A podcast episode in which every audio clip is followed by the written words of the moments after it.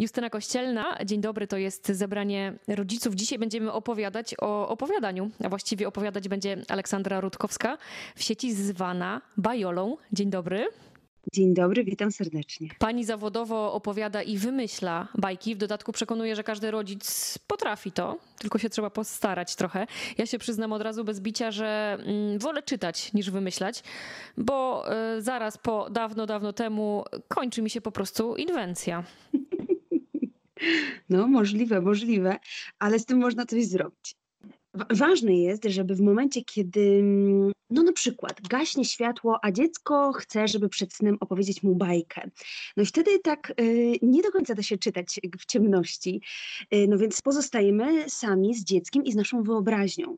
I tak naprawdę, jeżeli nie oczekujemy od siebie jakiejś baśni na miarę Grimmów, czyli trochę strasznej, albo baśni na miarę po prostu autorów różnych opowieści. Takich zawodowych. Tak, tylko takiej zwykłej opowiastki. Jeżeli przez, odkładamy na bok nasze ambicje, to jesteśmy w stanie wymyślić wszystko, co będzie nabierało kształtu, m, tak naprawdę w zależności od tego, jak my zdecydujemy, aby ta opowieść przebiegła. I żeby zrobić pierwszą próbę takiego opowiadania dziecku, to ja proponuję opowiedzieć historię z własnego życia.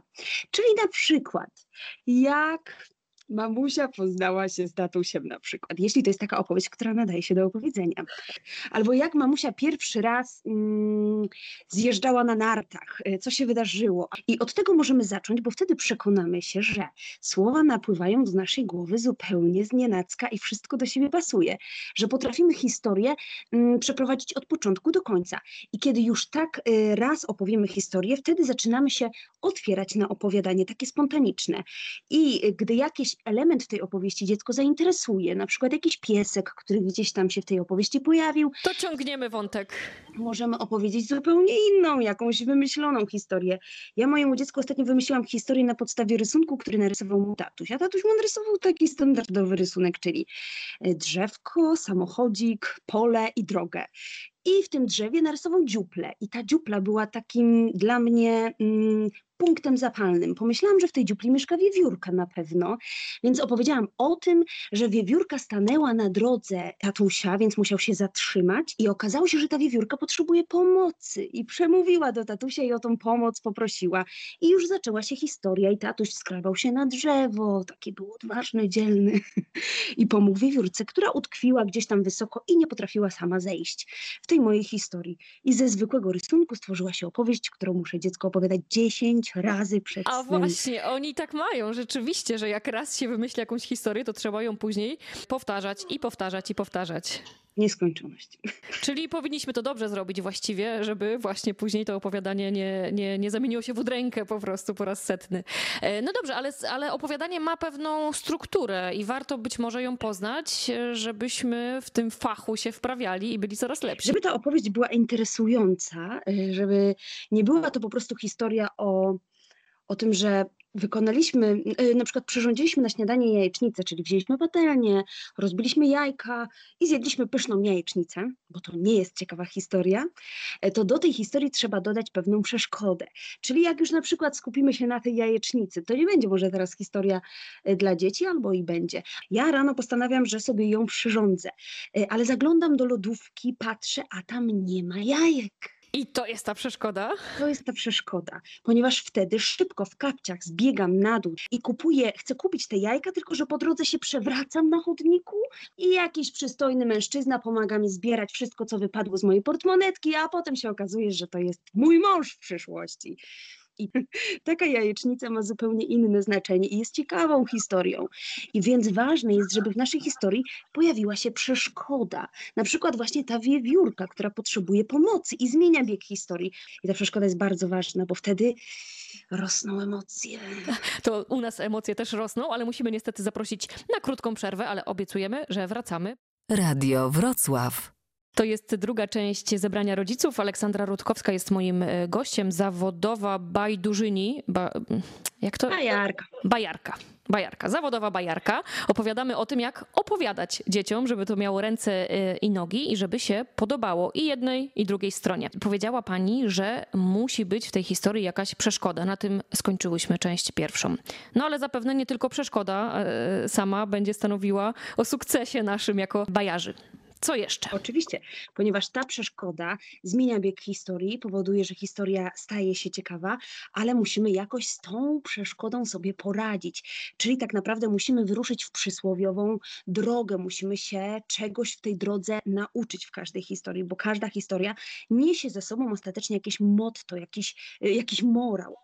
Więc y, musimy wyruszyć w drogę i coś zrobić z daną sytuacją. Na przykład w historii z wiewiórką y, tatuś zapytał się wiewiórce, y, co się stało, dowiedział się, że córeczka utkwiła na gałęzi, postanowił się wspiąć i to jest ta droga. Coś wykonał, wykonał jakieś działania, żeby pomóc tej wiewiórce, żeby tą przeszkodę zniwelować, tak? Bo to my czekamy na to dobre rozwiązanie historii. E, No i w trakcie tej przeszkody, w dobrze zbudowanej historii, pojawia się też jakiś mędrzec, który pomaga.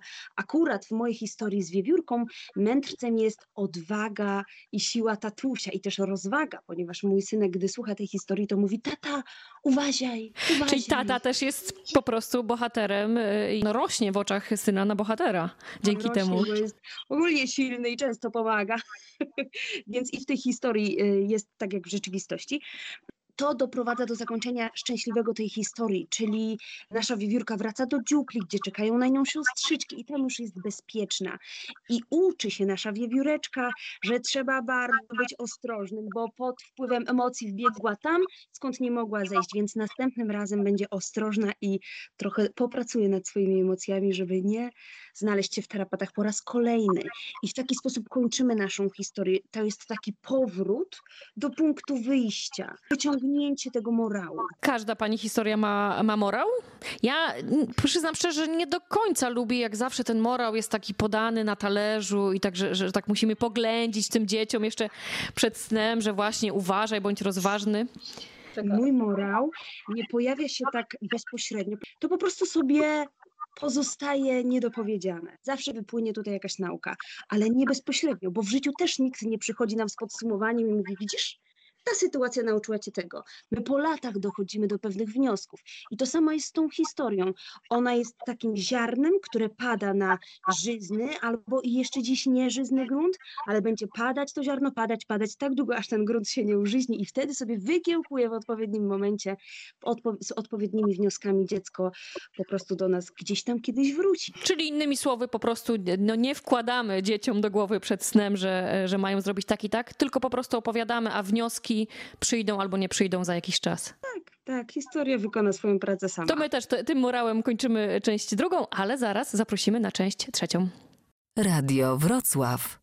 Justyna Kościelna, dzień dobry raz jeszcze. To jest trzecia część zebrania rodziców w Radiu Wrocław. Aleksandra Rutkowska, Bajola, jest dzisiaj moim gościem. Ja muszę to Państwu powiedzieć, bo ja widzę e, panią Olę, co prawda w komputerze, ale wspaniale gestykuluje. Ja zakładam, że to bardzo pomaga przy opowiadaniu bajek. Tak, e, czyli wspieram swoją mowę werbalną niewerbalnymi gestami i mimiką twarzy.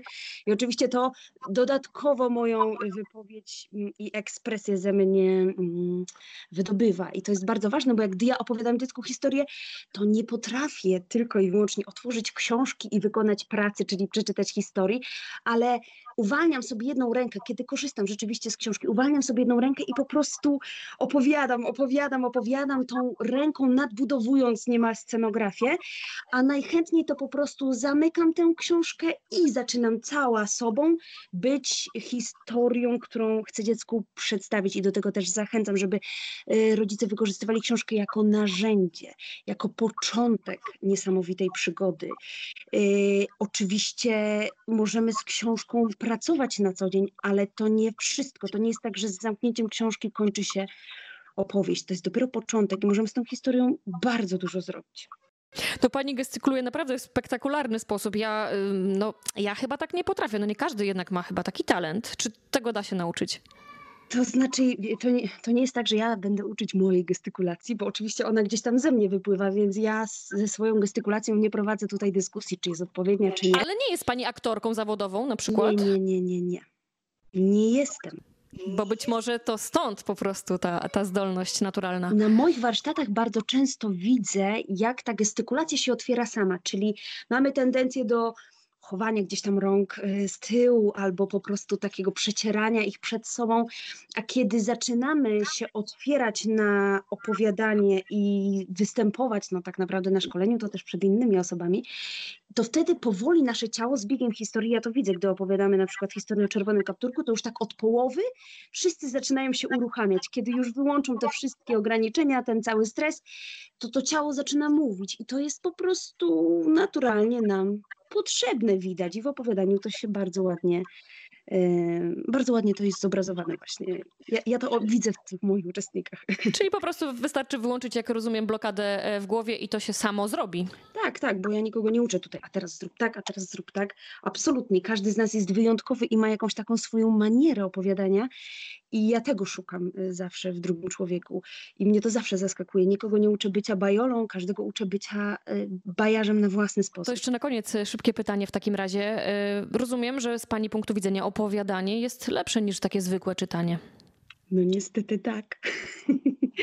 To nie jest tak, że ja, mm, y, że, że ja namawiam, by nie czytać, bo od książki wszystko się zaczyna i u mnie tak samo. Ja mam stos książek dla dzieci w domu, jednak bardzo często jest tak, że kiedy moje dziecko po prostu chce, no to korzystamy sobie z książki, odwracam ją zawsze w kierunku dziecka, ono y, sobie obserwuje obrazki, ale ja bardzo rzadko czytam książkę w kropkę w kropkę, przynajmniej dla takiego maluszka. Ja bardzo często po prostu wiem, co jest na danej stronie, znam tę książkę i opowiadam mu y, ten fragment historii, a potem przewracam stronę i znów opowiadam. Zawsze drugą rękę mam uwolnioną, żeby przecież gestykulować, bo jakże mogłabym inaczej.